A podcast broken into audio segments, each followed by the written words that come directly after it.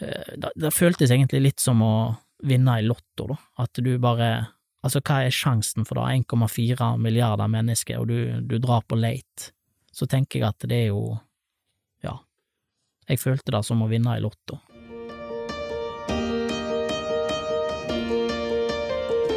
Da lytter du til Sunnhordlandpodden, en podkast med fokus på å framsnakke og heie på folk som brenner for noe her i Sunnhordland. Dette er altså podkasten for deg som vil bli bedre kjent med personer fra Sunnhordland, og som har lyst til å være med og heie på de som står på som gründere i næringsliv, idrett og kulturliv.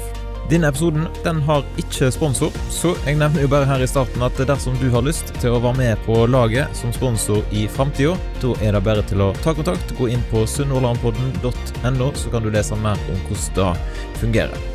Og Skulle du ha bruk for en som kan produsere en podkast for deg, eller bidra med bilde og video til sosiale medier, da kan du jo sjekke ut nettsida mi, som heter lekenelett.nett. Nok om det. Her kommer dagens episode. Den 18. oktober 1994 så landa det et fly på Fornebu. I det flyet så var det en liten gutt på fire år som hadde reist fra India til Norge for å møte sin nye familie. Hvordan det gikk, og om eh, hvordan det var å reise tilbake igjen til India mange år senere, på leiting etter sin eh, biologiske mor, da skal du få høre mer om i dag i Sunnhordlandpodden. Velkommen, Idar Helland. Tusen takk for det, Kjetil. Kjempestas at du, eh, du vil komme. I dag så jobber du jo som utrykningspoliti her på Sord. Mm. Og det var jo sånn jeg traff deg den for første gang. Det er helt korrekt. Jeg vet ikke om du husker det, den 12. februar i 2020. Det husker jeg veldig godt. Ja. For det som skjedde, eh, det er jo alltid litt sånn skummelt når en blir stoppa av politiet, er ikke det det? Eller har du erfart det sjøl? Jeg, jeg har aldri erfart det. Jeg har aldri blitt stoppa sjøl, faktisk. Men eh, vi er jo som regel kjekke og snille, da. Da, da er vi. Men jeg kan forstå at noen syns at det er litt sånn sjekke speedometer litt ekstra. Ja, du lurer på har jeg gjort noe galt nå? Ja, har jeg belte på og ja. Ja. Eh, Men den dagen så var det sånn alkotest, Mm. og så var det kona mi som kjørte, og det går faktisk greit. eh, Altså ti av ti ganger så går det helt fint, Ja. eh, for å si det sånn, så der var det ikke noe stress. Jeg fikk til og med lov til å filme det når hun blåste, lagde en liten sånn vlogg om det, Ja, stemmer. og etter blåsinga så sa du noe. Ja, jeg sa det at Jeg sa vel noe sånn "Ha- Halloen, Kjetil, jeg kjente deg igjen da fra, fra podden. Sa det at jeg var stor fan av den, hørte, hørte mye på den. Det gjorde jeg, så da tenkte jeg nå må jeg benytte anledningen og si det til, til deg, da, når jeg først traff deg. Så det var faktisk, jeg tror det var første gangen da noen i det hele tatt kommenterte og sa at de hadde hørt på podden, nesten. Ja, Iallfall sånn ansikt eh, til ansikt ute i det virkelige liv. Så det Ja. var veldig stas, da. Ja. Hvordan er forresten forholdet til podkast, sånn ellers? det bruker jeg veldig mye tid på. Det gjør jeg. Jeg eh, hører utrolig mye på podkast, men jeg er nok litt av den kjedelige typen, altså sånn i forhold til at jeg hører kanskje mye på podcaster som er litt sånn ja, nyttige eller jobbrelatert. Så mange vil jo se at det er kanskje litt sånn spesielt på en lørdagskveld å høre på strafferett, straffeprosess. Ja, sant. Eh, men, men det er jo noe jeg, jeg har jo stor interesse for, da, så, så jeg eh, Det går jo litt i sånne type ting, da, og kanskje ting som er litt sånn nyttig, da. Alt kan være alt ifra podkast om husbygging til økonomi, altså, ja. Så det er litt sånn nyttige ting òg, da. Men jeg er nok litt på den kjedelige sida med når det gjelder akkurat det. Men du har derfor fått- med deg Sunnmørenpodden, eller Stordpodden som han heter på den tida der. Ja, så det er jo en av de mer sånn eh, kjekke tinga, da, som jeg, som jeg hører på, som, eh, som jeg syns er veldig artig, og spesielt med å høre på historier fra folk som, som er, er fra Stord, og jeg har jo flere venner som har vært i, i studio her hos deg, så, så det var artig sjøl å få, få komme her. Og nå skal du få lov til å fortelle litt om, om din historie, da. Mm, Så vi tar turen tilbake igjen til denne dagen når du ankom Norge, 18. Mm. oktober 1994. mm. Husker du noe ifra den dagen? Nei, det er det som er tingen, for jeg, jeg, ehm, jeg, jeg har fått det der spørsmålet ganske mange ganger, om jeg måte husker ting fra tida i, ehm, i India, da, og det gjør jeg ikke, og mange har jo liksom kommet da med forslag på liksom, ja, men kan det være fordi at det på en måte var traumatisk på noen måte, at du kan ha glemt ting, og så videre, og da, for min del så er det ikke det, det handler rett og slett bare om at eh, jeg, jeg har ikke noen minne fra den tida, jeg husker ikke så langt tilbake. Ehm, så, så jeg har ikke noen minne fra den tida i, ehm, i India, da, eller, eller den dagen der. Det, det, er rett og slett noe jeg ikke husker noe av. En, en ser jo gjerne på bildet i ettertid, men, men, det er ikke sånn da at det på en måte vekker noe minne hos meg. Uh. Du, du, var jo fire år når du kom, mm. og jeg, jeg, tror ikke jeg husker så veldig masse om, fra min fireårsdag, Nei. så det er vel ikke sånn helt unormalt? Nei, jeg tenker at det er jo, det er jo fort, uh, fort at det, det, er ikke helt unormalt, da, at en ikke husker så langt tilbake i tid, men, men jeg, jeg, jeg, la meg jo på minnet når jeg til, var på tilbakereisen, at uh, i dag en på en måte I dag jeg stiger ut av flyet og på en måte kjenner alle luktene som er der og sånn, og da, da med lukt, for eksempel, det er jo noe som sitter mye sterkere i menneskekroppen enn minne. De kan jo være veldig flyktige, og de kan forandre seg over tid, og ja, um, så det sitter mye sterkere da med lukt og sans, da, uh, kontra et minne. Vi skal jo høre mer om historien om når du reiste tilbake igjen, men uh, Vet du hvorfor, hvorfor ble det sånn at du havna i Norge? Jo, jeg, når jeg var på tilbakereisen, så, så fikk jeg jo en del mer svar, da. Eh, jeg fikk snakket masse med, med, med min biologiske mor der nede, eh, via tolk, da. Eh, siden jeg, jeg snakker ikke marati sjøl, som er det språket hun snakker, da. Og da fikk jeg jo en god del svar, og, og det var jo dette med blant annet kastesystemet som, som fortsatt eksisterer i India, da, men, men, kanskje var mye mer framtredende på 90-tallet. Og det handla om at foreldrene til min biologiske pappa, de, de godtok ikke mamma, da. så da måtte hun rett og slett Ja, hun fant seg jo etter hvert en ny mann, og, og han ønska ikke meg inn i da ek ekteskapet der, da. Og da, da, ble det jo til at hun, hun, prøvde jo i tre år, da, så jeg var jo ganske gammel når jeg ble adoptert. Hun prøvde jo, prøvde jo å ta vare på meg i tre år, og så fant hun ut at det ble veldig, veldig vanskelig, da. Men du var veldig ung, 16 år, mm. Eh, når hun ble gravid med deg? Stemmer da. så, så hun tok jo turen ifra Latur, som er heimbyen min, og til Pune. Det er sånn I dag så er det jo en tur på rundt åtte-ni timer. Så på den tida så var det jo sikkert mye lengre tid òg. Så, så, hun tok jo turen derfra, for barneheimen ligger jo i en by som heter Pune i India.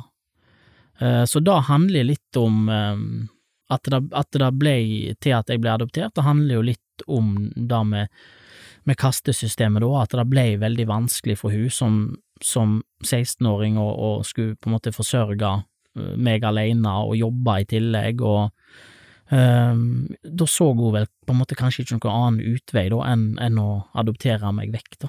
Vet du hvordan det må ha vært for henne? Som, eh, for da var hun blitt 19 år ish, mm.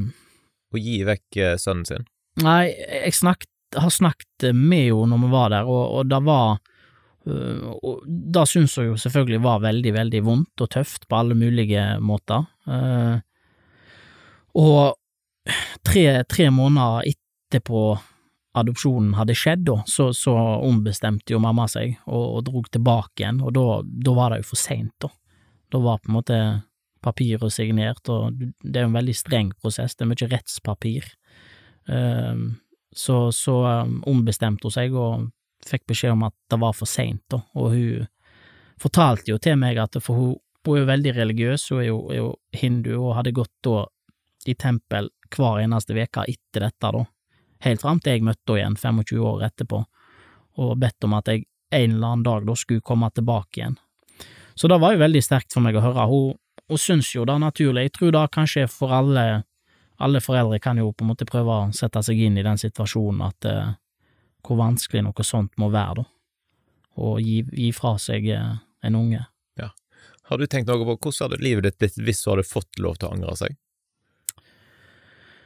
Ja, nei, jeg har egentlig ikke tenkt så mye på det. Jeg, jeg, jeg tenkte jo litt de gangene jeg har vært i India og på en måte sett hvor ut, utbredt fattigdom er der, og hvor på en måte Altså, India er jo kjempeutvikla på, på, en del områder, og, og, langt foran Norge på en del områder, mens andre områder som kanskje vi på en måte kanskje tar for gitt, da, med, med infrastruktur og vatten, rent vann og sånne ting, det, det, er, det er, ikke så godt utvikla der nede, og jeg tenkte mye på det, særlig når vi kjørte til Latur første gangen, at det så mye folk langs veien, at dette, dette kunne jo fort vært mitt liv.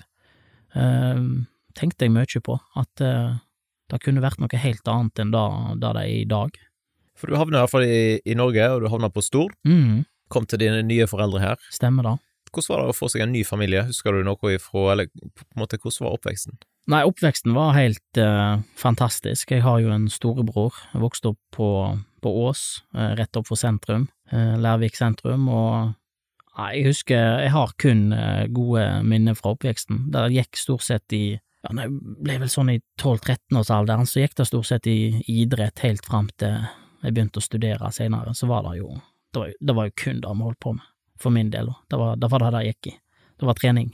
Men følte du deg annerledes? Eh, jeg har aldri gjort det. Altså, jeg, jeg har jo snakka med veldig mange adopterte, og spesielt fra India, da, eh, som, som har kjent litt på det der, og, og, og kanskje være litt annerledes. Og eh, personlig så har ikke jeg gjort det sjøl. Altså, det er jo en del som i forhold til adopsjon kanskje sliter litt med dette med identitet og, og hvem, hvem er jeg, og eh, hvordan skal jeg på en måte takle verden med, med den historien min og sånne ting, men jeg, må, jeg må være helt ærlig og si at jeg, jeg har ikke kjent noe på det, altså jeg har ikke følt at det, på en måte jeg har hatt en sånn Det trenger ikke være nødvendigvis en identitetskrise, men jeg har ikke liksom kjent på det der å være så mye annerledes. Det har jeg ikke, altså. I et intervju med Politiforum, da, som jeg har lest, som eh, folk eh, kan jo søke opp Mm. eh, hvis de vil, der, der hadde du sagt at du følte kanskje at du ikke hadde alle brikkene. Mm. Hva ligger det i da? Nei, det, ligger jo litt i at jeg eh, litt sånn nysgjerrig av natur, da. Eh, liker på en måte å, å, å vite alt, ha, ha alle svar, da, på en måte. Og det harmonerer jo på en måte dårlig med å ha ei fortid som du ikke husker noe av. Så jeg, jeg har ikke visst noe om, for det er jo veldig strenge regler for dette, du flytter jo på en måte juridisk eh, eh, Når du adopterer noen, så flytter du jo på en måte hele den derre ja, hva skal du kalle det, da eierskapet, da, rett og slett, til, til ungene. Det flyttes jo fra noen til noen andre. Eh, så, så jeg har jo aldri visst noe om mamma eller pappa, biologiske foreldre, og hadde heller ikke noe minne av det, så jeg følte jo på en måte da at det var uh, Har mye minne fra oppveksten og all tid i Norge, men så er det liksom det som skjedde før da, da, da har jeg jo ikke noe minne av, så jeg følte liksom at det det, det er noe svarte hull, da, som, som fort uh, gjorde at jeg uh, tenkte litt at det skulle vært kjekt å vite på en måte mer om hvem er jeg, da, og hvordan var ting før jeg kom, kom til Norge. Men du var på en liten ferie tilbake i India i år 2000. Ja, stemmer. Hvordan var det? Nei, da var jeg jo Da var jeg jo ti år gammel, um, og da reiste vi en gjeng fra Stord med flere andre indiske adopterte familier fra, fra Stord, da. Og, og så reiste vi ned i lag, vi var ganske mange som for ned, og det, var jo en veldig kjekk tur, jeg husker jo litt mer fra den, eh, men samtidig så var jeg ti år, og jeg hadde på en måte ikke gjort meg noen refleksjoner over på en måte eh, hvem er jeg, og liksom hadde jeg lyst til å vite mer om fortida mi, da var det på en måte mer enn når du er ti år, så er det kjekt med svømmebasseng og fine hotell, det var på en måte mer enn ferie, da. Så jeg hadde ikke gjort meg noen tanker, eh, veldig lite egentlig, helt fram til på en måte det begynte å skje ting i, i 2017. Ja, Før Mm. vi kommer der, så må du fortelle litt om den der eh, idrettskarrieren din, da. For du, du sa at det gikk masse i idrett, og da var det friidrett som var Ja, hovedsaken. Ja, jeg har jo Jeg, jeg begynte faktisk med eh, Jeg begynte faktisk med, med terrengsykling.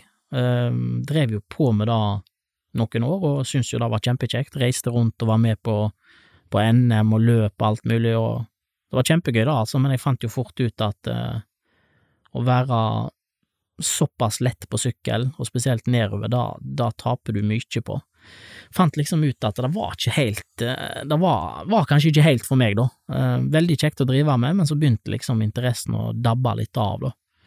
Så det som gjorde at jeg begynte med friidrett, var jo Vi hadde skulle springe 3000 meter på skolen i åttende klasse. Og da hadde jeg jo, hadde jo ingen forhold til springing eller noe som helst, men jeg, eh, jeg husker godt da at første gangen da så sprang jeg på 10,47. Det, det, På 3000 meter. Det Ja. er ganske det bra. var senest jeg har sprunget, da. Så da husker jeg at læreren sa til meg at eh, kanskje du skulle teste ut friidrett, da. Så det var jo på en måte sånn det begynte, da. Og etter det så tok det jo ja, det tok jo helt fullstendig av. Det var jo det eneste jeg holdt på med. For jeg har hørt rykte om at du var i norgestoppen. Ja, altså, jeg var jo eh, Jeg var ikke helt, eh, helt blant de beste, da var jeg ikke, da, det har jeg aldri vært, men, men eh, jeg fikk nå noen pallplasseringer i UM på terrengløp, husker jeg, og det var jo noen løp Jeg fikk representert Norge én gang, husker jeg, i et terrengløp i Tyskland, så det var, det var veldig stort, da. Så mm, jeg, jeg var nå med på NM og UM, og var med på det som var av lokale løp og løp rundt om i Norge. Da var jeg. Det var stort sett da hele ungdomstida gikk til. Ja. Mm, Men du valgte å ikke satse videre på, på idretten. mm. Hvorfor ikke? Nei, altså jeg kom jo til et lite veiskille der, da. Jeg, eh, jeg gikk jo på folkehøgskole i Oslo, um, og så um, fant jeg ut etterpå at eh, ok, nå må jeg må på en måte ta et valg her, da. Hva, hva ønsker jeg videre? Og jeg har jo jeg har jo alltid hatt lyst til å bli politi, da. Da jeg på en måte har vært en sånn uh, barndomsdrøm siden jeg var liten, da. Så da var jo alltid et eh, på en måte, Det var liksom enten å bli politi, eller så var det å bli noe innenfor idrett, og det kunne vært trener på høyt nivå.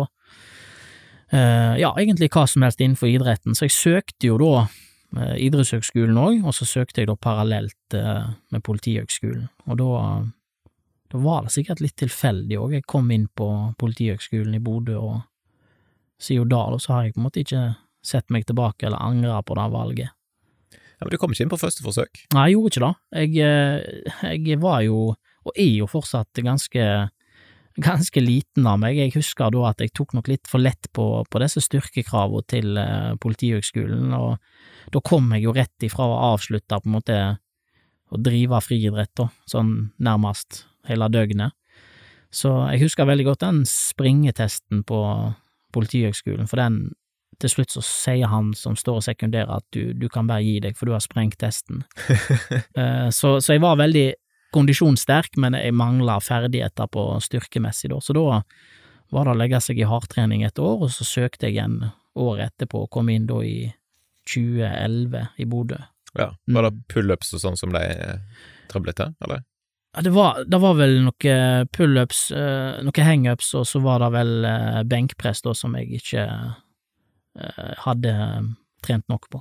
Så da var det bare å legge seg i hardtrening og få på seg litt mer kilo med muskler.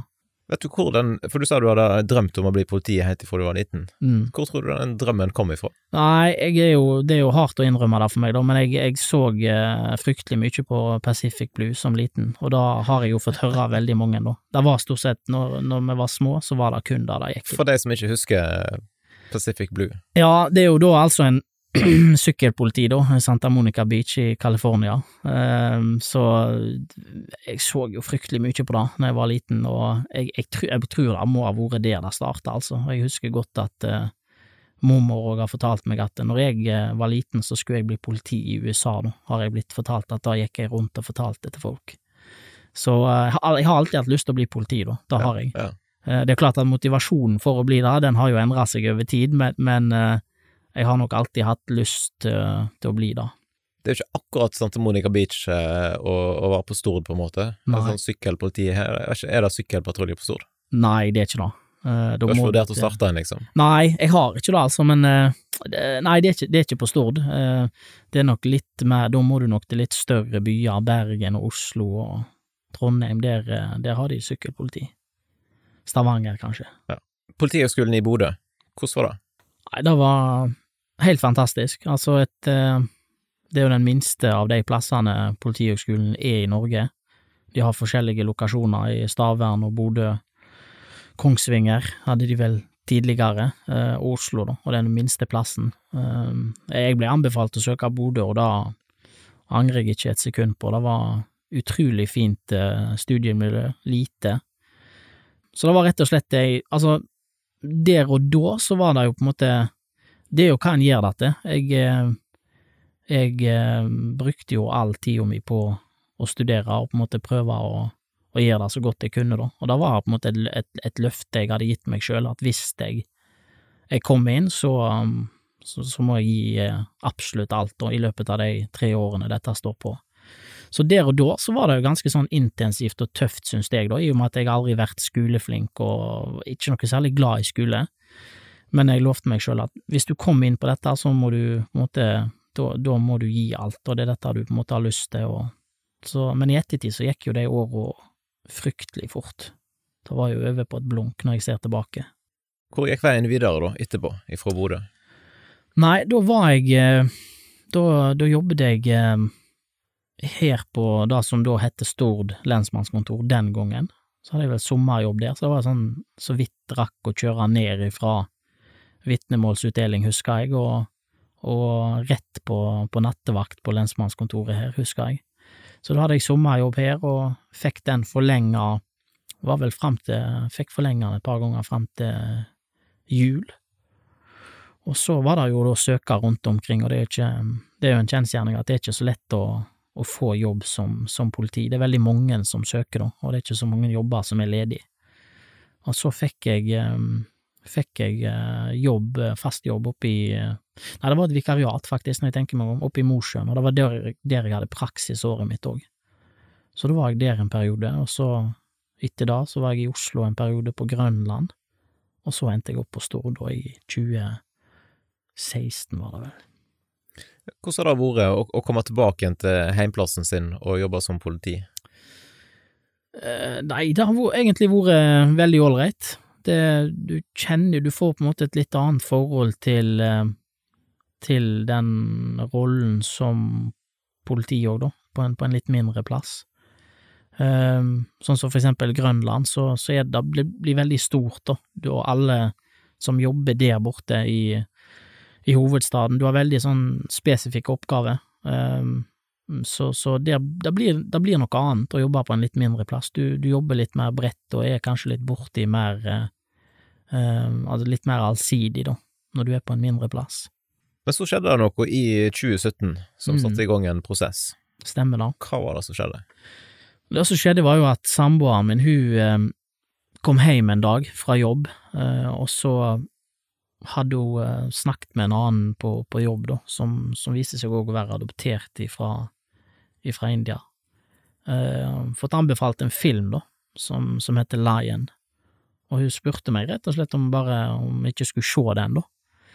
Jo, det var greit, da, så jeg, jeg, jeg visste ikke noe om uh, jeg, jeg, søkte ikke opp filmen eller noe, jeg visste ikke noe om hva den, hva den handla om, da, i hele tatt. Så vi så jo den, og den handler uh, kort og godt om en liten gutt som Eh, bor i India, som var med bror sin på en togstasjon for å lete etter mat, da. Og så eh, sovner han på, på, toget og blir innelåst, og da begynner han å kjøre, da. Så forsvinner han jo fra familien sin og ender opp på gata, da, veldig langt vekke ifra, ifra familien sin, og så blir han etter hvert tatt opp eh, på en barnehjem, da, eh, og blir adoptert til et par i, i Australia, og da er jo en helt sann historie. Um, så, så det ble jo en veldig sterk film for meg å se, fordi at det var så fryktelig mange paralleller med mitt eget liv, da. Så ble det en sånn, ja, ganske sånn uh, tøff opplevelse, egentlig. Så da begynte å sette i gang en del tanker hos meg, da. Ja, Sov du godt den natta? Nei, det gjorde jeg ikke. Jeg lå vel uh, lå mye våken og tenkte på um, Lå mye og reflekterte og tenkte på, på, egentlig alt mulig, da, og tenkte hvordan hva, hva, kan, hva kan, jeg gjøre her, hvor, hvor, skal jeg begynne, på en måte, det var, det var så veldig stort å tenke liksom at er det liksom et håp for at jeg kan reise tilbake igjen og, og begynne å leite, eller hvordan skal jeg gjøre dette her? Eh, men det satte i gang veldig mange tanker. Det var en eh, veldig sterk opplevelse, um, så jeg tenkte veldig mye de uh, neste dagene og ukene og månedene. Det gjorde jeg. Ja, for du tok kontakt med barnehjemmet? Mm, det gjorde jeg. Var faktisk dagen etterpå. Ja. Så, uh, så ringte jeg til India og tok kontakt med den barnehjemmen som jeg var på i Pune, og da var jo fryktelig sterkt å høre da i andre enden at uh, å ja, det er deg, at jeg ble huska, da. Så, for da var jo hun kontaktpersonen min, da, som, som hadde håndtert min adopsjon, hun jobba der fortsatt, da. Og da var jo hun som fulgte meg gjennom hele den prosessen med adopsjon, men òg nå med tilbakereis. Så det var veldig sterkt. Altså, husker deg etter Det var, må ha vært nesten 22-23 år. Ja, det stemmer. Det er helt korrekt. Og jeg husker når vi var der på tilbakereisen òg, så jeg, akkurat på den barnehjemmen så hadde det blitt adoptert vekk over 5000 unger. Så da at jeg ble huska, da, da syns jeg var veldig spesielt, da. Uh, godt gjort fra hennes side. Ja, definitivt. Men når du da ringte, fikk du på en måte hele historien med en gang? Nei, absolutt ikke. Det, det, det, der, det der tar de veldig på alvor, og det, der å på en måte ivareta taushetsplikten fra deres side, det er noe de, de tar veldig på alvor. Så jeg hadde jo sett for meg at eh, jeg måtte jo søke om innsyn og fylle ut en del papir, men, men jeg hadde jo sett for meg at det kom til å bli mye verre enn det ble, da. Eh, det, det var ikke for min del, det var ikke veldig mange papir å fylle ut, men, men eh, litt var det jo, og så måtte det gå via eh, altså det norske adopsjonsbyrået som, som jeg ble adoptert via, da, Verdens Barn. Måtte gå via dem, og så til da barnehjemmet der nede. Så jeg hadde nok sett for meg at det ble mye verre enn en det det ble, da, men det var jo på en måte for mitt tilfelle. I andre tilfeller så kan det jo hende at det er en mye vanskeligere prosess. Jeg forsto det sånn at det, mor di hun hadde satt et ganske sånn viktig kryss på et papir Mm, når eh, hun adopterte deg vekk. mm, stemmer det. Hva innebar det?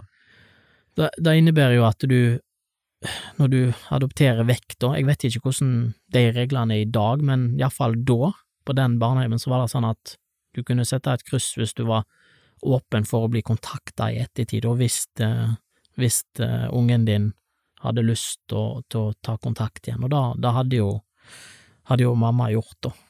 Så, så da Hvis ikke, så kunne jo det fort på en måte stoppet der, da. Og da ser jeg jo for meg at det kunne òg at de, de, de var veldig sånn flinke på å ivareta, ivareta foreldrene òg, da. Så jeg var jo veldig glad for å finne ut da at det, det var et kryss der for ja. Definitivt. Mm, Men så er det jo sånn, India det er jo et relativt stort land, mm, og med ganske mange folk. 1,4 milliarder mennesker, mm, sikkert pluss litt til. mm. Og ikke har de folkeregister sånn som her i Norge. Nei. Da er det jo ganske eh, Snakker du om å lete litt etter nåla i høystakken? Ja, ja, han gjør jo det.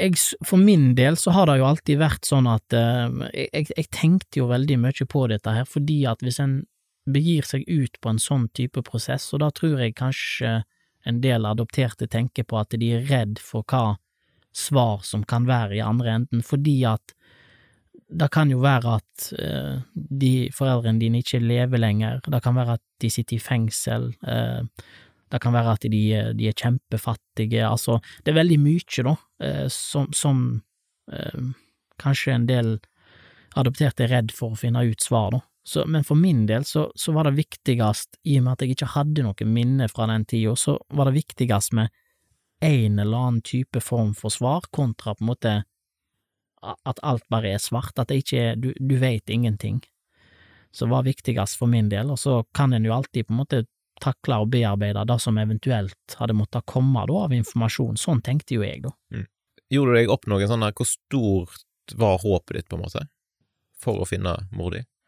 Jeg gjorde ikke det, jeg hadde egentlig ganske lave forventninger til at uh, det ville gå, altså jeg tenkte at uh, det er svært urealistisk 25 år etterpå og ikke folkeregister, ingen oversikt over adresse eller hvor folk flytter, så jeg hadde ikke, jeg hadde ikke noen forhåpninger på en måte at det da ville føre fram, da.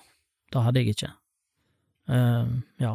Men det viste seg at barnehjemmet de hadde ett spor å gå etter. Mm. Hva var det?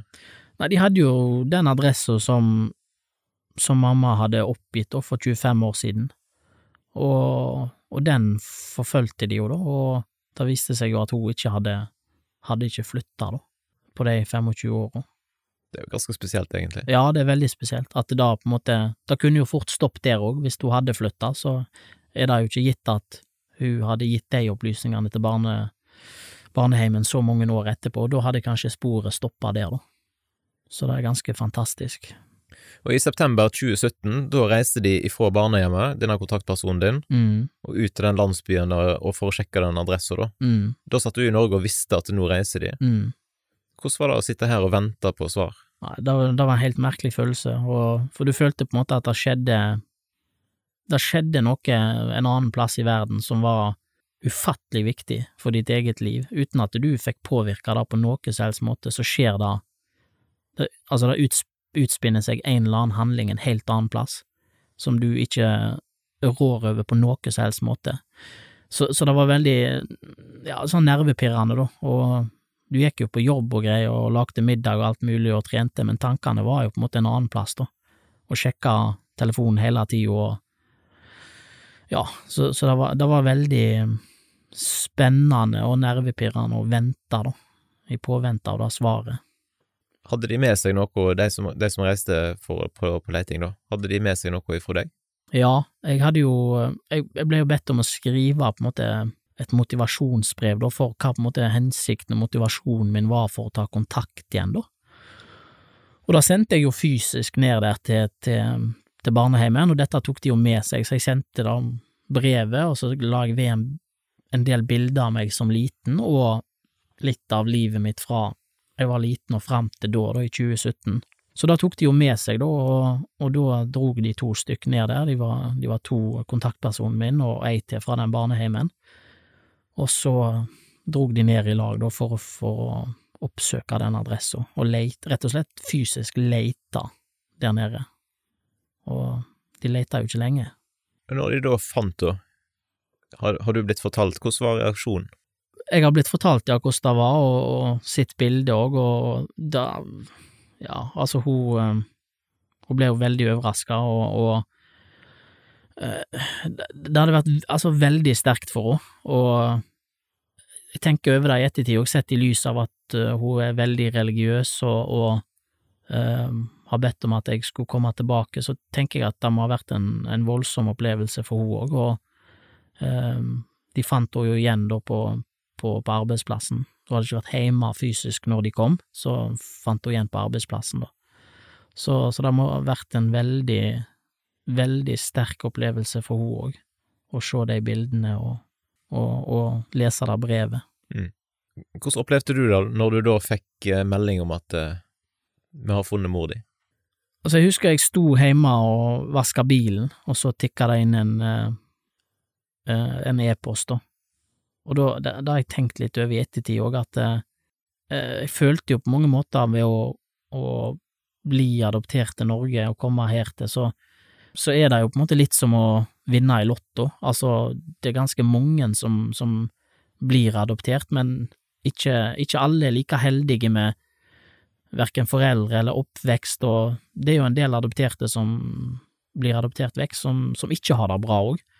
Så jeg, så jeg har alltid, alltid, følt meg veldig utrolig heldig og privilegert, og som har fått uh, på en måte en så god oppvekst og gode foreldre og godt liv. Og jeg følte, det var litt den følelsen jeg fikk på nytt igjen når jeg fikk beskjed da om vi har, vi funnet mo, uh, mammaen din, da, da, uh, da, da føltes egentlig litt som å vinne i Lotto, da, at du bare Altså, hva er sjansen for det, 1,4 milliarder mennesker, og du, du drar på late? Så tenker jeg at det er jo, ja, jeg følte det som å vinne i Lotto. Det må være ganske heftig. Mm. Jeg var sjøl i India i 2015, tror jeg, Mm. og det er jo det er så masse folk der nede. Mm, ja, det er det. Det er liksom overalt. Helt vanvittig. Så da å, å leite opp én eh, person, Mm. Det, det kunne fort gått mye annerledes. Absolutt. Det, det, det er ikke gitt på noen som måte at det da at det da gikk eh, som det gjorde, da. Jeg tror det på en måte er et eh, lykkelig sammenfall av masse eh, tilfeldigheter som har gjort at det, det gikk så bra som det gjorde for min del, da. At den adressa var forfatta ned, og at hun ikke hadde flytta, og at hun var på jobb den dagen, og så videre, og så videre. Men så går det noen måneder, da. Du hiver deg ikke på flyet sånn eh, dagen etterpå. Nei. Men i februar 2018 Mm. så reiser du. Ja. Hvorfor tok det så lang tid? Nei, det, det handla jo litt om at jeg, eh, jeg hadde lyst til å planlegge reisa godt, da. Uh, planlegge den i detalj. Og så jeg, så jeg og samboeren min, vi planlagte dette, da, og sparte opp penger, og så peila vi oss ut at februar er liksom en god måned å, å, å reise til India, da, i forhold til klimaet der nede. Eh, og tok, eh, tok meg ferie fra jobb, og så for vi ned da, jeg mener det var 1. februar, tror jeg. så reiste vi. Det er jo nok vaksiner og ting òg, sikkert. Ja, så vi var mye gjennom både vaksiner og planlegging av reise og flybilletter og sparing og Ja. ja. Men da må ikke reise alene. Hvor viktig var det for deg? Det var egentlig ganske viktig, for det, det er jo Det kom jo mye følelser på en sånn tur. Det, så da å ha noen med seg og kunne uh, dele på en måte de følelsene og tankene og sånne ting, det, det betydde mye for meg. Å ha noen å kunne støtte seg på og Ja, Hvordan var det når du da satte deg på flyet på, på vei nedover? Altså, jeg har tenkt mye på det, og jeg, jeg tenker mye på det i dag òg, at det, det, det, var, det var en helt eh, fantastisk følelse. Bare hele den der eh, Når jeg ser tilbake igjen på det i ettertid, så, så føles det det, det er litt sånn der eh, må klype meg i armen-følelse. Så det var ei veldig, veldig fin tid, og når jeg ser tilbake på det, at når det gikk så bra som det gjorde, da, selvfølgelig, så var det, var det en veldig, veldig fin tid, og spesielt spesiell følelse å sette seg på, på flyet og vite på en måte hva du skal, hva som skal skje om noen dager etterpå, da. Ja, for den 6. februar, Mm, da satte du deg i, i bilen, på en måte, ifra barnehjemmet, mm, og så skulle dere reise ut til denne her Latour... Stemmer da. Byen. Mm, eller landsby, mm, med, med kun 400 000. Det er jo mm. Ja, 400 000 sikkert pluss, pluss. Ja. Mm, eh, Så, så i, ja, i forhold til stor, så er det jo en relativt stor eh, da er det. Men i, i India-skala så er det litt lite, kanskje. Mm. Men hvordan var det, da? I, sette seg i bilen der nede? Åtte timers tur. Nei, det, det var veldig spesielt. Jeg husker jeg eh, hele veien ifra barneheimen, altså ifra porten der og til vi kom fram, så, så satt jeg og hørte på musikk og, og bare ja, så ut vinduet og bare, bare lot tank, tankene flyte litt, da. Eh, veldig spesielt, og var jo selvfølgelig nervøs og gleda meg og ja, men, men kanskje framfor alt så var jeg veldig Det var en sånn spesiell følelse som du kanskje ikke helt klarer å sette ord på, da. Jeg tenker, som politi, da, så er du, du er jo trent i å takle forskjellige spesielle situasjoner. Mm. Var det en fordel å ha politiutdanningen liksom i, i ryggsekken når du skulle gjøre dette her? Ja, på en del områder så merker jeg jo at da var en fordel sånn Det er jo et sånt lite altså byråkrati, dette med å søke og på en måte eh, søke om innsyn og sånne ting, og det merker jeg jo selvfølgelig at det, det er en fordel å ha den bakgrunnen, da. Men òg kanskje i måten å møte sine egne følelser på, at eh, på en måte anerkjenne at det, det kan komme voldsomme følelser, og, og at det er helt greit, da. Så jeg tror det absolutt kan ha vært en fordel å hatt den, den utdanningen i, i bånn. Og så skulle du møte de biologiske mor, cirka 25 år siden sist, Mm. eh, på et hotell. Mm. Hvordan var det? Nei, det var jo, som jeg sa i stad, jeg, jeg syns kanskje på en måte det beste beskrivende ordet der er at det var veldig spesielt og, og fint på samme tid. Eh, men eh, jeg har tenkt mye på det, og det, det er bare noe veldig spesielt med at selv om du er vekke x antall år og ikke har hatt noe kontakt og så videre, så, så var, det, var det veldig sånn godt for meg å se at jeg var lik på noen, da. Da, da husker jeg at eh, Og da tenker jeg den dag i dag at det var veldig fint, og at det var veldig eh, godt for meg, da, å se at eh, der er det noen Der var det noen som var veldig lik på meg, eller jeg er lik på deg. Da husker jeg var veldig fint, da, og ja. Men hvordan var kommunikasjonen? For at eh, du sa i stad at du, du snakker ikke det språket som, som mor di snakker. Nei, det stemmer. I, i eh, Maharashtra, som er den eh, staten da, som, som Latur ligger i, så snakker de jo i all hovedsak marathi, som er et av de to største språkene i India, da.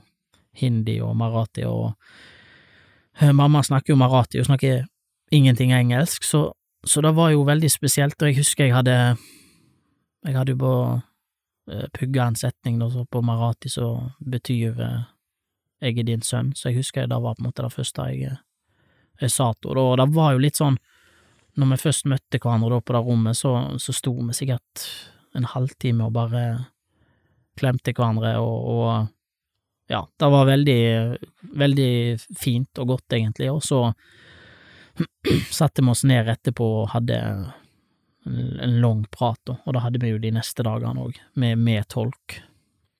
Så det var helt, eh, en helt ubeskrivelig følelse. Kan du fortsatt den setningen på marathi? Mi tumcha molaga ahe, som betyr jeg er din sønn, på marathi. Så den, den kan jeg. Du har ikke lært deg noe mer eh, nå etterpå?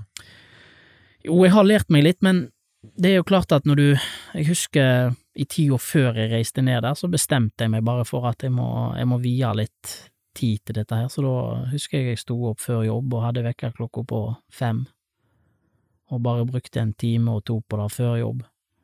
Eh, men det er klart at når du ikke Nå er det lenge siden jeg har vært der på grunn av korona òg, så, så, så visner jo litt mer. Jeg merker at en må på en måte Du, du må holde det ved like for at eh, Men det er absolutt noe jeg kunne tenkt meg å bli bedre i, og har lyst til å vedlikeholde litt mer, da. Eh, for det er sånn at du Det er ikke sånn at hvis du lærer deg det, så, så kan du det. Jeg føler for min del så er det sånn det må vedlikeholdes. Hvordan hadde livet til mor di vært? Hun fortalte meg mye om det, og hun har hatt et veldig fint liv. Jeg har jo oppdaga jo da, når jeg kom ned der, at jeg har, eh, har ei lillesøster, da. Eh, hun har jo en annen pappa, da, men eh, hatt et veldig fint liv, ser jeg jo, og klart seg veldig, veldig bra. Har en statlig jobb, og da er veldig sikre jobber der nede, da. Så det var veldig godt for meg å se òg at, at hun har klart seg godt og, og har det fint, da. Ehm, men hun hadde veldig dårlig samvittighet og snakket veldig mye om på en måte det valget, da, og jeg prøvde jo å, å framføre på beste måte til henne at eh, da det er ikke noen grunn for at du skal ha det, og på en måte uh, hun ble jo etter hvert mer slo seg til ro med liksom at det var fint å se på en måte hvordan jeg hadde blitt, og hva at jeg hadde hatt uh, fine foreldre her som hadde tatt vare på meg, og det tror jeg var, var Hun var veldig opptatt av det, da, at det var veldig betryggende for henne å se. Men eh, den biologiske far din, Mm. han eh, fikk du ikke møte. Nei, jeg, eh, jeg prekte jo lenge med, med mamma der, og så, så spurte jeg jo spurte jeg jo en del om han, da, og da, da sa hun jo tidlig at han dessverre ikke lever lenger, og hun har jo ikke hatt noen kontakt med han siden han, ja, siden, siden jeg ble født, da. Eh, så, så det var veldig trist for meg å høre det, og det, det er noe jeg tenker på fra tid til annen, at da skulle gjerne reist ned før og så videre, men det er jo ikke alt en på en måte Ting skjer jo gjerne i en bestemt rekkefølge, og hun er litt sånn usikker på nøyaktig når han, han dør, men hun anslår en plass i 2012-2013.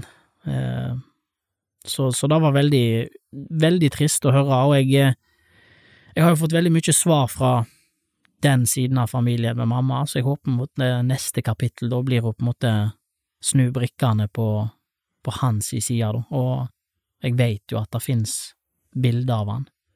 Så da er neste kapittel blir jo gjerne å finne ut mer om han, og ikke minst bildet, da. Ja, for du veit egentlig ikke hvordan livet hans har vært. Ingenting. Ingenting om det. For hun har heller ikke hatt kontakt med foreldrene hans, som ikke ønskte å ha noe kontakt med, med mamma, da. Så, så det blir eh, det, det blir mange turer til India i framtida for å prøve å finne ut mer. Hvordan vil du si at det har prega deg på en måte i dag, da? At du tok denne reisa her? Jeg husker spesielt når jeg eh, reiste tilbake igjen fra den turen, så, så, så sa både jeg og samboeren min at eh, da å reise ned til India, da, da er bare noe absolutt alle burde gjort, uavhengig av om du er adoptert eller hva som helst, for det er, det er bare et land som forandrer deg på alle mulige måter, både, altså til det beste, da. Du, du får satt ting eh, så i perspektiv med å dra ned der. Eh, Så jeg, jeg syns det har forandra meg til for, for det bedre. Altså, du får virkelig et perspektiv på ditt eget liv, og at, eh, at det står Det er ikke akkurat verdens navle, det er verden er stor. Ja, det er en liten forskjell. Da er det. Men du sier at flere av brikkene på en måte falt på plass? Ja, absolutt. Eh, samtidig så føler jeg på en måte at det, det holder på en måte ikke med én og to turer. Jeg, jeg, har veldig behov for å dra ned igjen og snakke, snakke mer med, med, med, mamma og lillesøster, og, og, ikke minst finne ut mer eh, på, på pappas side, da. Så, så, jeg føler det er veldig mye uoppgjort i, i framtida. Så jeg har mye godt uh, foran meg. Men du har vært tilbake flere ganger, Ja, eh, og du tok òg med familien din her. stemmer da. Jeg eh, etterpå, det var vel i um, var vel i juli, så reiste jeg ned uh, alene en tur. Uh, var der i var vel i tre uker, og besøkte de på nytt, og det var jo på den turen jeg òg besøkte, fikk møte lillesøster for, eh, for første gang, da. Så det var, det var veldig, veldig stort for meg å få, få ta den turen òg, og treffe henne. Og så var det vel i desember, så reiste vi reiste vi ned eh, med hele familien min her fra Stord, og samboer og storesøster og storebror, og det var, det var kjempestort for meg å få oppleve at eh, mamma fikk møtt mamma. Det var helt ubeskrivelig. Nå er jo ikke mor di, eller altså adoptivmor di her, så hun kan jo ikke uttale seg sånn sett, men, men hvordan tror du at det var for hun å møte den biologiske mor di? Jeg tror det var, må ha vært veldig stort for hun òg, og veldig fint på samme tid. Eh, jeg tror det var veldig godt òg for, eh, som jeg sa i stad, for eh, min biologiske mor å se at eh, hvor eh, fine foreldre jeg hadde fått her, da. Det var noe hun snakket en, en god del om, og at hun syntes det var veldig kjekt at jeg, jeg hadde fått så fine foreldre her. Har det gjort noe med, med deg og din relasjon til, til adoptivforeldrene dine? Nei, egentlig ikke. Altså, jeg, eh, jeg gikk vel og tenkte litt på uh, Grubla litt før jeg tok det opp, da, at jeg ønsket å dra tilbake. Eh, men jeg fikk jo bare ubetinga støtte, og at de sa at de eh, hadde forventa at den dagen kanskje kunne komme en dag, da. Og det betydde veldig mye for meg at de eh, har vært støttende fra, fra dag én og hadde lyst til å være med ned igjen, og ja, det hadde vært uh, utrolig viktig for meg. Nå er det jo ikke alle som, som finner sine biologiske foreldre like på en måte knirkefritt som du har. Mm. Eh, hvordan tror du, Det blir jo spekulasjon, da, men hvordan tror du det hadde vært hvis eh, du ikke fant mor di? Jeg tror det ville skapt på en måte et, eh, et lite tomrom da, i, i meg, som ikke uh, hadde vært mulig å på en måte uh, lappe sammen. Altså, jeg tror uh, Hvis du aldri finner de, eller finner noen form for svar, så tror jeg du, du går og tenker og grubler, og sånn tror jeg på en måte mange mennesker er skrudd sammen, at det da det, det er lettere å forholde seg til kanskje et, et vanskelig svar, eller finne ut kanskje mm, noe som du helt ikke var fornøyd med, eller at de kanskje er i fengsel, eller et eller annet, så kan en på en måte kanskje leve med det og bearbeide det over tid, men da å på en måte ikke ha noen form for svar, syns iallfall jeg hadde vært verre enn, enn å ha uh, et eller annet å forholde seg til, da. Hvis noen lytter, da, og som, som har en litt sånn tilsvarende situasjon som deg, Mm. uh, hva vil du si til dem? Hvis ikke de har leita? Nei, altså, jeg tenker jo at hvis du har et ønske og går og tenker på at du kanskje har lyst til å prøve å finne ut mer, så tenker jeg at eh, eh, hopp i det. Altså, eh, for, for min del, så det, det kan innstilling du har, men for min del så var jo det å på en måte bare finne en eller annen type form for svar det viktigste. Så, så da ultimatumet trenger ikke alltid å være du får møte dem for absolutt alle. For noen så kan det jo være et gatenavn, eh, en venn av mor og far som kan fortelle, et hus å vise til. Eh, så, så jeg tenker ikke gå og gruble for lenge på det. Eh, hopp i det. Begynn, å, begynn å grave deg ned i detaljer og, og lete, og hør med barneheimen og så videre og så videre. Det gjorde jeg sjøl, og en må jo begynne en eller annen plass, og der, der er en god plass å starte. Ja, og du angrer iallfall ikke på at du gjorde det. Nei, absolutt ikke. Absolutt ikke. Tilbake igjen her til Stord, da, og til den jobben som du har i dag. Mm. Eh, hva var det som gjorde at du tok jobb som, eh, som utrykningspoliti? Nei, altså, jeg, jeg eh, jobber jo til vanlig på det som i dag da heter Stord politistasjon. Og så tenkte jeg så jeg at det kom en utlysning på, på en sånn innbeordring til utrykningspolitiet, og så tenkte jeg at nå, nå, er det på tide å gjøre noe annet. Uh, da jobbet jeg som, som politietterforsker. Uh, jeg er ikke lagt for å sitte inne på, på et kontor, jeg måtte ut, så da så jeg mitt snitt til å søke der, da, og har ikke angra på det. Jeg trives, trives veldig, veldig godt med å, med å jobbe i utrykningspolitiet. Hvordan ser på en måte arbeidshverdagen ut, eh, sånn rent bortsett fra at du av og til stopper meg og kona mi i sånn alkoholkontroll? Ja. Nei, arbeidshverdagen vår er jo Vi er jo på Altså, kontoret vårt, vi har ikke noe kontor, det er på, det er på fire hjul. Vi, vi, skal være mest mulig ute og, og synlige i trafikken. Vi driver jo med trafikksikkerhetsarbeid, eh, forebyggende arbeid på, på og langs eh, veiene. Så vi, vi, skal være mest mulig ute og mest mulig synlige, og det, og det er jo kanskje viktig å få fram at det, for oss så handler det ikke om å ta flest mulig og gi ut flest mulig bøter. Eh, for oss handler det om å forebygge alvorlige ulykker i trafikken, med å være synlige. Og, og da klarer vi å oppnå ved at folk eh, Oi, der står politiet. Eh, så blir det fortalt, og så Du, politiet sto der og hadde mobilkontroll i dag, og så, så trafikantene er jo våre aller beste ambassadører, og hvis du skulle være så uheldig at du blir bøtelagt, så er de som blir da òg eh, de beste ambassadørene vi har, for de forteller at du vet du hva, jeg eh, ble stoppa på Mehammer i dag, jeg kjørte litt for fort, og så sprer jo det seg, og da får vi jo den effekten vi ønsker, at eh, oi, her er det, her er det lurt å kjøre etter, etter fartsgrensa. Men det er ikke alltid når det sprer seg at du syns at det er positivt, da? For jeg har forstått at du er litt irritert på folk som driver og varsler om eh, at nå er det kontroll?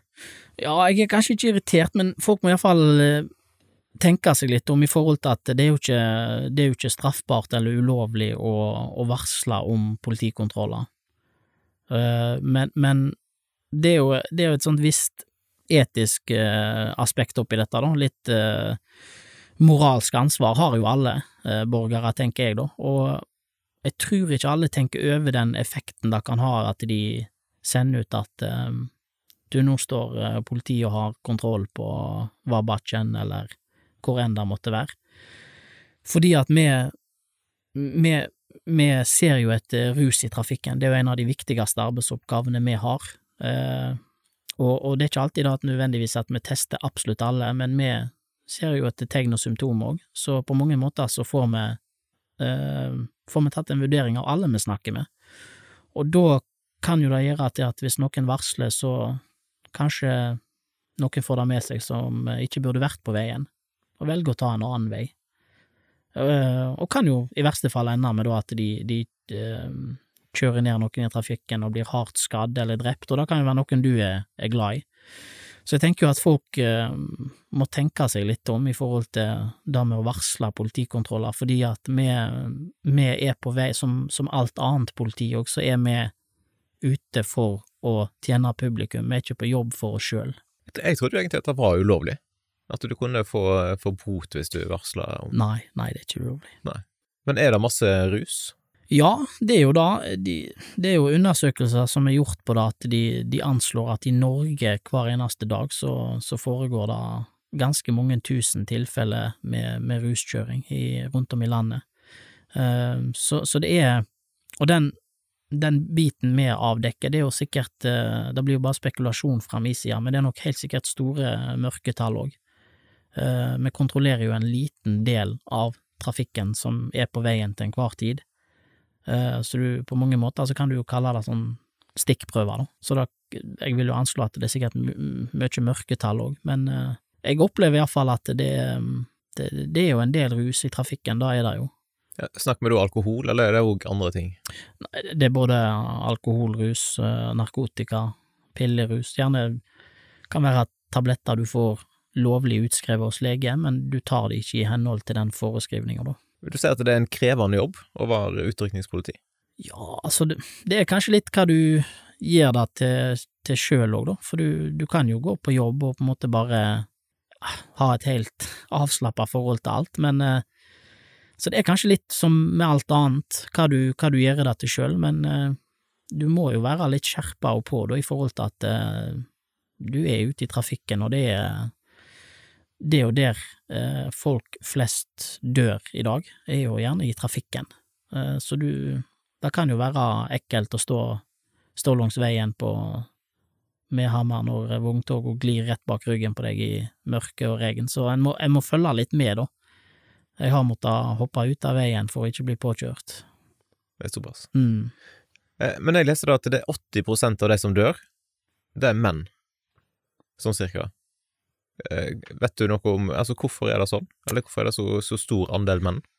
Jeg veit ikke, eh, det er jeg litt usikker på, men, men eh, flesteparten av de som, som blir tatt for å kjøre for fort, er jo menn, og gjerne da i kanskje aldersspennet eh, 20 til ja, 40, kanskje. Så det er Kanskje det er en sammenheng der. kanskje den sammenheng. Men du skrev på Instagram at av og til så må dere være strenge, og av og til så må dere gi litt trøst. Mm, det stemmer. Hvordan ser det ut i praksis? Nei, i praksis så ser det jo rett og slett sånn ut at eh, Altså, det å ha lappen i dag, det er jo ikke noe, det er jo ikke noe menneskeretter, og det er, jo et, eh, det er jo på mange måter et gode som du må forvalte på korrekt måte. Altså, det er jo visse regler som du må forholde deg til for at du, vi skal ha et, eh, et, et miljø på veien som er trygt for alle, da. Og en del, da, de kjører jo fra seg lappen både på, på prikker, eller det kan være de kjører for fort eller i rus, og da ja, noen bryter jo helt sammen. Jeg har vært med på alt, at noen eh, de, de synes det går helt fint. Det, der tar de, tar de Du merker det ikke på det engang, at eh, ja ja, så er det sånn som skjer.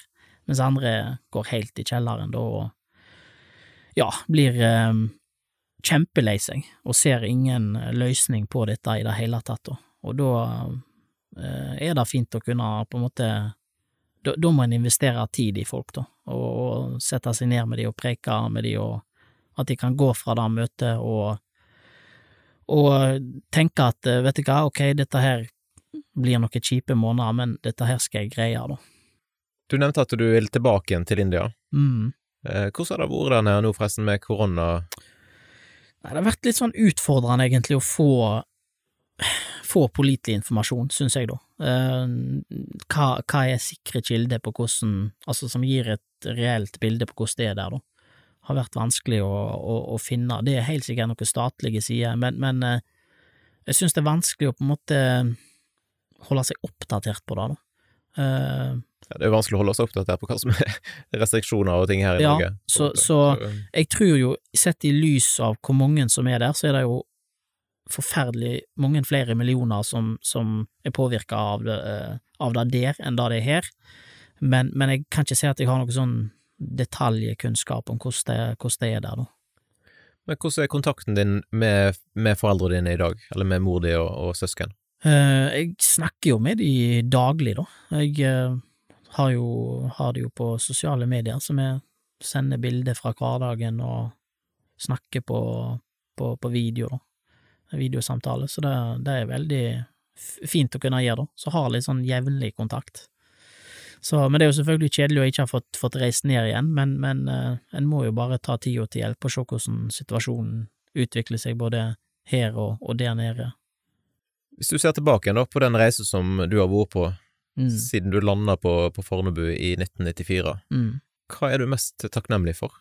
Åh, det er et stort spørsmål. Ehm, nei, jeg er vel mest takknemlig for alt som, som har med venner og familie å, gjøre. At uh, Ja, at jeg, at jeg kom akkurat her til, da, eh, og tatt de valgene jeg har tatt, da, og truffet på de folka jeg har truffet på. da, da syns jeg da føler jeg meg veldig takknemlig for. Så det må vel være det jeg har truffet, og ikke minst familien min. Venner. Da tror jeg rett og slett vi sier tusen takk for at du ville ta turen her i studio og fortelle historien din. Takk for det, Kjetil. Til vanlig så pleier jeg å spørre folk liksom hvor kan, eh, hvor kan folk følge med på deg, Mm. Eh, men det er ikke sikkert det passer akkurat her, da. Men, Nei. men har politiet noen kontoer som en kan følge? Ja, altså, vi i UP er jo på Snapchat, så UP eh, liggestrek Vest-Norge, tror jeg det. Der kan folk følge hverdagen vår, da. Der legger vi ut fra hele UP-distriktet, inkludert Stord. Så der, eh, der må folk eh, gjerne følge, følge oss, da, på, på Snapchat, og ta kontakt med oss langs veien hvis det skulle være et eller annet, og da, da synes vi bare er hyggelig. Hva er forresten dine, ditt beste tips da for at den ikke skal bli stoppa av deg? Ikke bli stoppa, følge fartsgrensa. Yes, men Da ønsker vi lykke til med, med, alt som du skal styre på med, og eventuelt eh, god tur til India neste gang du skal der. Mm, tusen takk for det. Takk for at du lytta til dagens episode av Sunnhordlandpodden. Og har du lyst til å gi en tilbakemelding, så er det kjempestas om du sender en melding enten til meg eller til eh, gjesten som jeg hadde med meg i dag. Det er alltid inspirerende å høre ifra deg som har lytta til episoden, hva du syns. Har du lyst til å gi podkasten en vurdering i Apple Podcaster eller noen stjerner på Spotify, så setter jeg òg stor pris på det. Har du kritikk og konstruktiv tilbakemelding, så er det jo kjempestas om du sender en e-post til f.eks. post etter sunnhordlandpodden.no. Og Hvis dette var første gangen du lytta til podden, så håper jeg da at du har lyst til å sjekke ut eh, flere episoder i arkivet. Det er så mange gode folk fra Sunnhordland som har vært innom studio og delt om det som de brenner for. Og Jeg håper da at du har lyst til å slå følge med podkasten i sosiale medier. Du finner oss på Instagram og på Facebook. Det er òg veldig flott om du har lyst til å sende inn eh, ønsker og tips om personer som du mener bør være med i podkasten framover. Da ønsker jeg deg en fin dag, og så poddes vi plutselig igjen neste torsdag hvis alt går etter planen.